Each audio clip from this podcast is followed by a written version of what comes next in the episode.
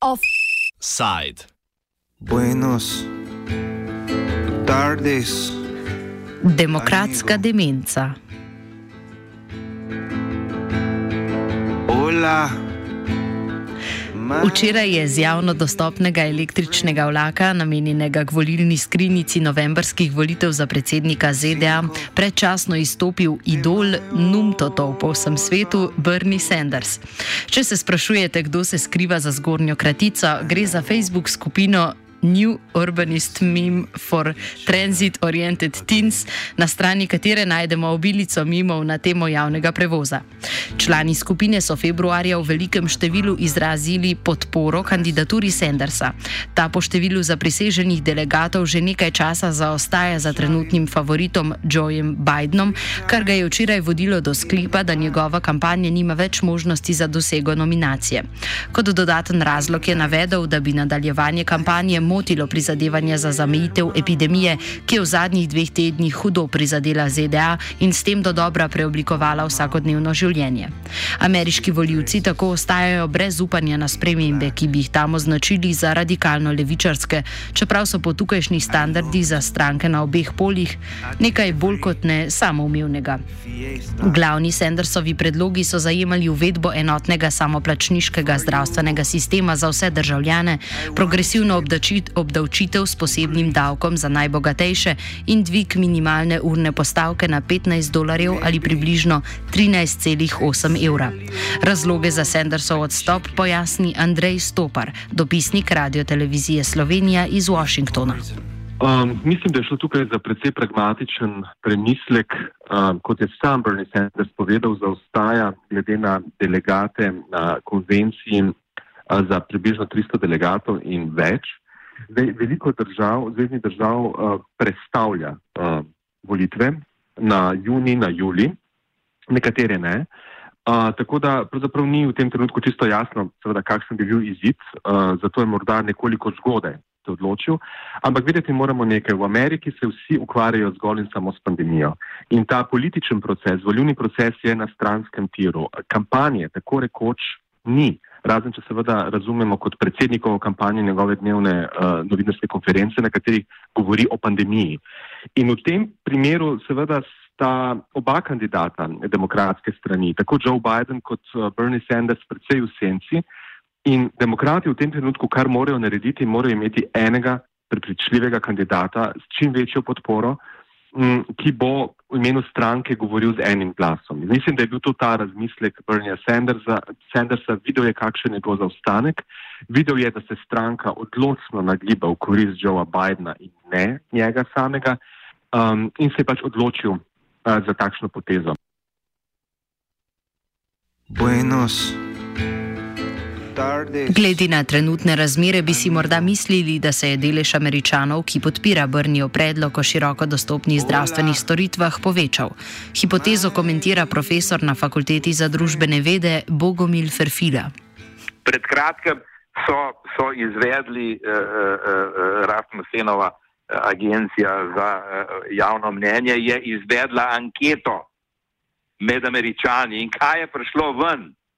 Ven je prišlo da pravzaprav samo nekaj procentov Amerikancev, mislim, da je bilo tri procente anketiranih, je najbolj skrbelo zdravje.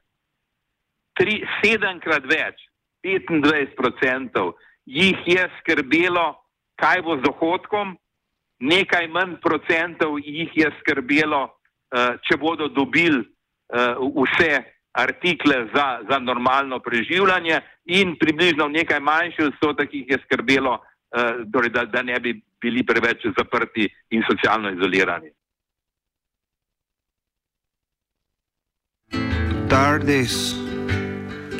Razlogi za Sandersovo relativno nepriljubljenost pa ne tičijo zgolj v voljivcih, temveč tudi v sami demokratski stranki, pojasni novinar dnevnika Ervin Hladnik Milharčič.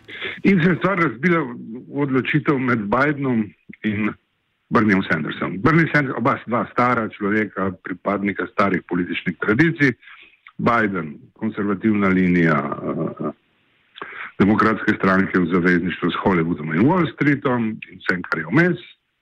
Sanders, um, ta liberalna naprednjaška linija v zavezništvu z manjšinami in vsem ostalim, ne? ljudmi, ki nimajo nič. In stranka se je ponovno odločila za isto, se je odločila za konservativizem in je uh, dala pač vso podporo konservativcu. Biden je Biden ima ene sveže ideje, ne lahko samo je nostalgičen do starih časov, ko so stvari uh, bile lepe in je šlo vse v redu.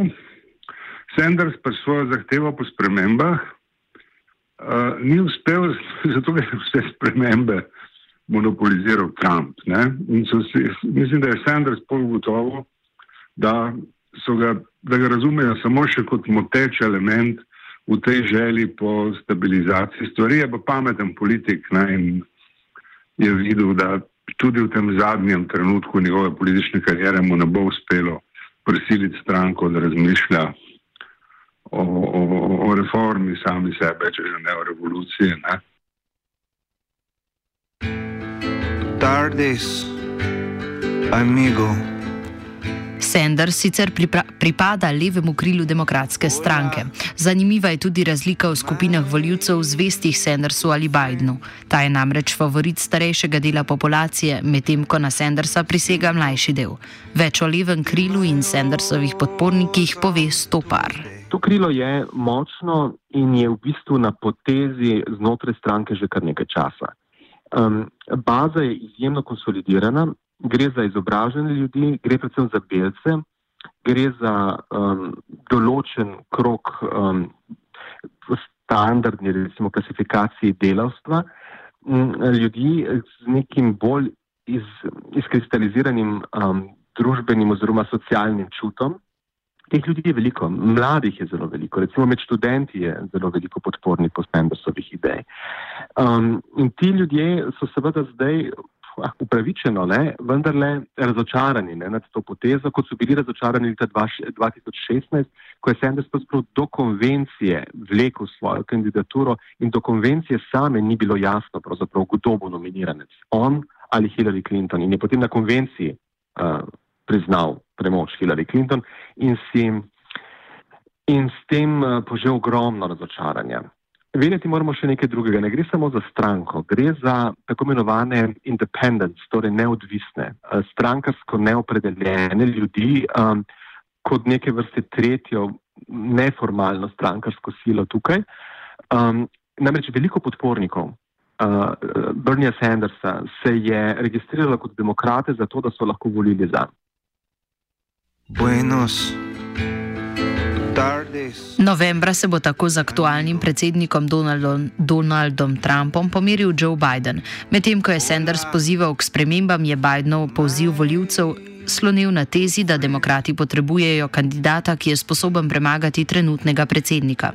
Seveda naj bi tej vlogi Biden ustrezal veliko bolj kot Sanders.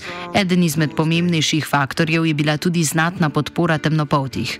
Ti so v Bidenu prepoznali nekdanjega podpredsednika, ki je služil prvemu temnopoltemu ameriškemu predsedniku Baracku Obami. To pa prinaša še druge prednosti. Več hladnik Milharčič. Če si delič Obame, potem lahko tudi računaš na glasove žensk, kar je neka posebna mistika v ameriškem volilnem telesu, ne? da uh, moraš ženske prepričati, da je napredni kandidat boljši od konservativnega. Ne? To je. In tle, zato se Biden zdi kot podpredsednik Baracka Obame, kot pač politik, ki mu bo Obama z veseljem pomagal, se bo pojavljal pač na njegovih mitingih in razlagal, da je kako sjajen politik je uh, Biden, lahko računa, da bojo afriški američani šli na volitve, zato da bi nočno glasovali za Trumpa, skoraj da težko verjame človek. Tudi v tem pogledu je Obama garancija za glasove manjšin. Ni ne vem, kako zelo stoprocentna garancija? E, predvsem zato, ker, ker Trump vedno znova najde način, vodenja kampanje, ki neutralizira vse nasprotnike, ne, ampak koliko nekakšna garancija pa pač je. Ne. Biden prav velik šans nima, ne, vse je odvisno od tega, kako se bo razvila ta štorija z, z pandemijo. Ne. Ampak tle, tle lahko zaupaš Trumpu, da je bo znal obrniti v svojo korist. Če že ima Biden večjo možnost za zmago nad Trumpom, ostaja vprašanje, kolikšna ta možnost sploh je, pri tem pa je ključna izpostavljenost kandidata v medijih, komentira Stopar. In tukaj še ena, prav, bom rekel, vsakodnevna propagandna zadeva. Predsednik tukaj vsak dan govori na svojih novinarskih konferencah in predstavlja svoj način obvladovanja pandemije kot absolutno presežnega in zmagovitega in brez primere dobrega. Skratka, um, ima na vseh večjih televizijskih postajah prost termin vsak dan. Joseph Biden do takšnega termina absolutno ne more priti, razen na nekaterih, recimo kot televizija, kot je CNN ali pa uh, MSNBC, ampak ne v takšnem obsegu in seveda govori iz bistveno manj prepričljivih izhodišč, se je le predsedniški kandidat v času, ko se vsi ukvarjajo s pandemijo in kampanje pravzaprav ni. Tako da sta tukaj oba dva v izrazito neenakovrednem položaju.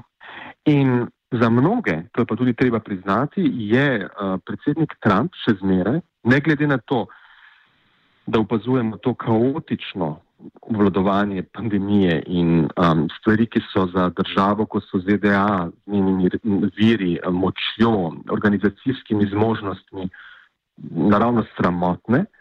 Uh, mnogi še zmerim prepričani, da predsednik Trump situacijo obvladuje in njegova podpora je pravzaprav v zadnjih tednih nekoliko zrasla in je zdaj kar precej visoka oziroma na enem od svojih viškov, kar kaže, da ima dobre možnosti za novembrske volitve. Buenos tardes, amigo. Hola. Biden mora torej prepričati voljivce, da je boljši kandidat kot Trump.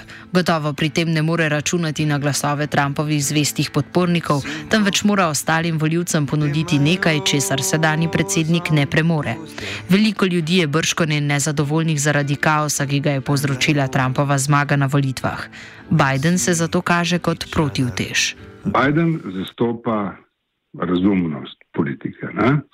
Trump pa emocionalnost. Ne? Trump zagrabi čustva. Ne?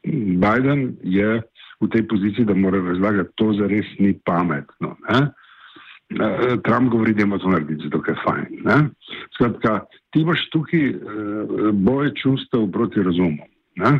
Vprašanje je, če bo Bidenu uspelo ne, zagrabiti ameriška čustva. To pa je odvisno od tega, koliko ljudi bo umrlo zaradi virusa, ko se bo izkazalo, da da, da, da, da je vlada prav ali pa narobe postopala. Ne? In tukaj je prav dost razlagati, uh, se bojim, da ne bo, ljudje bodo reagirali čustveno. Ne? In zato ima Trump mogoče več šans uh, kot Biden. Buenos tardes, amigo. V vsakem primeru se ZDA še vsaj štiri leta ne bodo približale evropskim standardom socialne politike. Naj si bo Trump ali Biden, vpliv korporativnih lobijev se ne bo zmanjšal, kot se tudi ne bo zmanjšala želja ameriške zunanje politike po podrejanju raznih interesnih območij, tako v neposrednji bližini, kot tudi recimo na Bližnjem vzhodu. Gotovo pa se lahko nadejamo novih filmov o Marvelovih superherojih.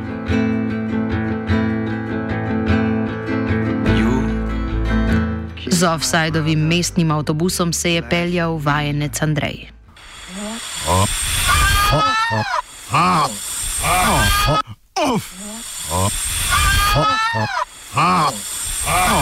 Offside.